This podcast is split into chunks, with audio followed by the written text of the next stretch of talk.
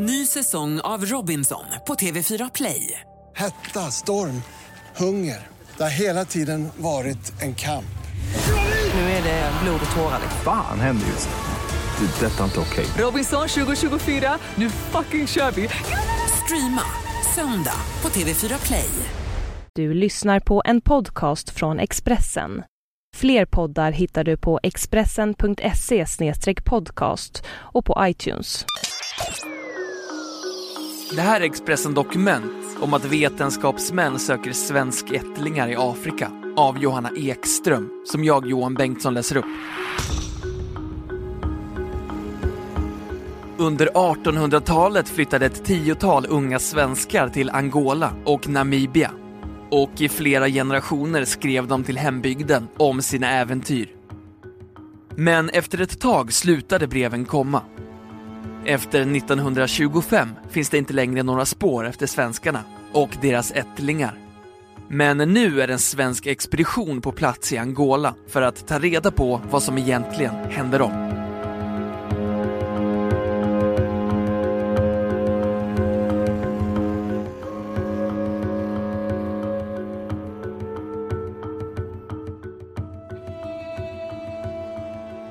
På slätterna i provinsen Ovamboland i södra Angola finns en nästintill bortglömd gravplats intill en liten damm. Den är svår att ta sig till. Området har härjats av krig och vägarna är knappt farbara. Men här ligger Vänersborgaren och upptäcktsresanden Charles John Andersson begravd under ett enkelt träkors omgärdat av ett metallstaket.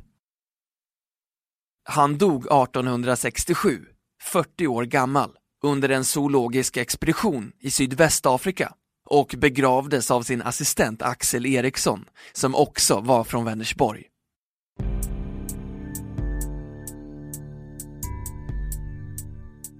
Vid den här tiden gick de stora migranttågen till Amerika men de två västgötarnas äventyr fick en rad unga män från Vänersborg att istället åka till Afrika för att söka lyckan under slutet av 1800-talet. Men egentligen började det hela enligt Ann-Charlotte Öberg, kurator på Vänersborgs museum, med en engelsk adelsman. Llewellyn Lloyd var författare, vetenskapsman och kompis med Charles Darwin. Han älskade jakt och flyttade till Västsverige under 1820-talet för att jaga björn och varg. Han skrev reseskildringar hem till England om hur exotiska både de svenska djuren och människorna var. Han tyckte också att det var trevligt att jaga svenska pigor. Han gifte sig aldrig, men fick åtta barn med fyra svenska kvinnor, säger Ann-Charlotte Öberg. Ett av hans barn, Carl Johan Andersson, som senare tog det mer internationellt gångbara namnet Charles John, ärvde pappans äventyrslust. Som 22-åring bestämde han sig för att ta sig så långt han hade råd, vilket var Island. Men ödet ville annorlunda. På vägen stannade han i London där han träffade Darwins kusin, vetenskapsmannen Francis Galton. Galton fick istället med sig Andersson på en zoologisk upptäcktsresa till Sydvästafrika. Det blev början på en rad expeditioner i Afrika för Andersson, som liksom sin pappa började skriva reseskildringar och blev en välkänd upptäcktsresande. Just nu befinner sig Peter Johansson, chef för Vänersborgs museum, i Angola tillsammans med Carl Grandin, professor på Vetenskapsakademin, och Christer Blomstrand, historiker och journalist i Angola. Teamet hoppas kunna ta reda på vad som egentligen hände svenskarna. För sedan 1925 finns inte längre några spår efter dem. Emigranterna, och sen deras barn, skrev brev till hembygden men 1908 kom det allra sista brevet. De sista breven som kom var på portugisiska och fick översättas. Den andra generationen lärde sig aldrig svenska, säger Peter Johansson. Efter att ha begravt sin arbetsgivare och satt upp det enkla träkorset fortsatte Axel Eriksson expeditionerna i Afrika på egen hand. Han var son till en slaktare och hemma i Vänersborg var det enda alternativet för honom att gå i sin fars fotspår. Men Axel Eriksson var intresserad av djur och natur och fick utbildning i zoologi av Levelyn Lloyd. När Charles John Andersson behövde en assistent i Afrika hade Lloyd därför föreslagit Axel Eriksson. Eriksson jagade elefanter för elfenbenets skull och påfåglar för fjädrarna. Han var också fascinerad av det rika fågellivet och skänkte en stor samling exotiska fåglar till sin hemstad, berättar Ann-Charlotte Öberg. Nu har museet ett helt rum fyllt med Erikssons uppstoppade färgglada fåglar. Han satte upp en framgångsrik handelsstation längs med kusten och handlade med elfenben och vapen. Bland annat så betalade han lokalbefolkningen för handelsvarorna med vapen och ammunition. Svenskarna i Angola var inte så många, men de hade stor inverkan på lokalbefolkningen. Helt plötsligt fick vissa grupper tillgång till moderna vapen, något som påverkade deras strider sinsemellan, säger Ann-Charlotte Öberg.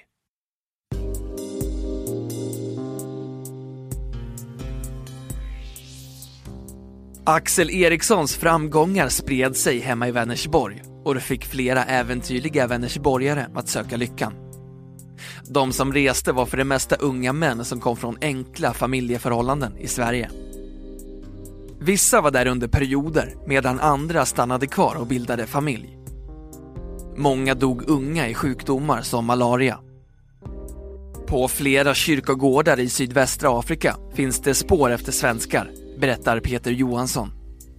Häromdagen lyckades Peter Johansson och hans team hitta en grav efter en sydafrikansk man som gifte sig med Axel Erikssons brorsdotter. De har också hittat platsen där Axel Erikssons son Jakob deltog i ett slag 1904. Axel Eriksson gifte sig först med en engelsk kvinna, men äktenskapet höll inte. Efter det gifte han om sig med dottern till en av stamhövdingarna och fick sonen Jakob. Den strid han deltog i var mellan lokalbefolkningen och portugiserna och Eriksson stred på portugisernas sida. De har också, efter att ha åkt i timmar ut i bussen, hittat ruiner efter svenska hus. Men det teamet allra mest hoppas på är att hitta svenskarnas ättlingar, något som kan bli svårt.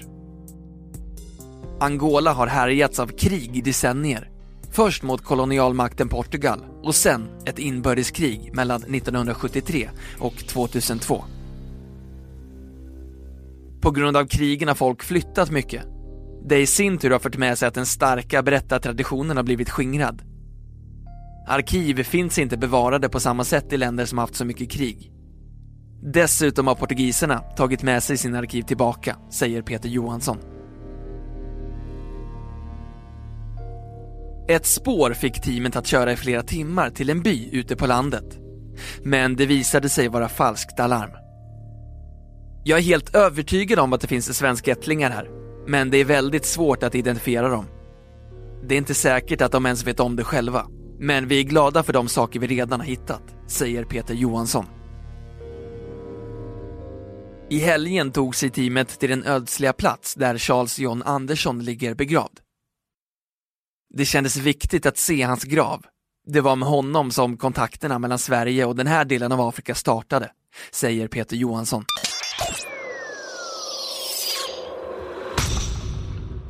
Du har hört Expressen Dokument om att vetenskapsmän söker svenska ättlingar i Afrika av Johanna Ekström, som jag, Johan Bengtsson, har läst upp.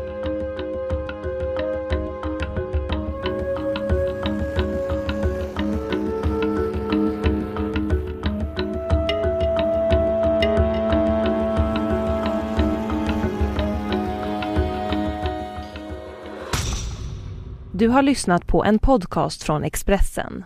Ansvarig utgivare är Thomas Mattsson. Fler poddar finns på Expressen.se och på iTunes. Ny säsong av Robinson på TV4 Play. Hetta, storm, hunger. Det har hela tiden varit en kamp. Nu är det blod och tårar. Fan händer just nu. Det. är Detta är inte okej. Robinson 2024, nu fucking kör vi! Streama söndag på TV4 Play.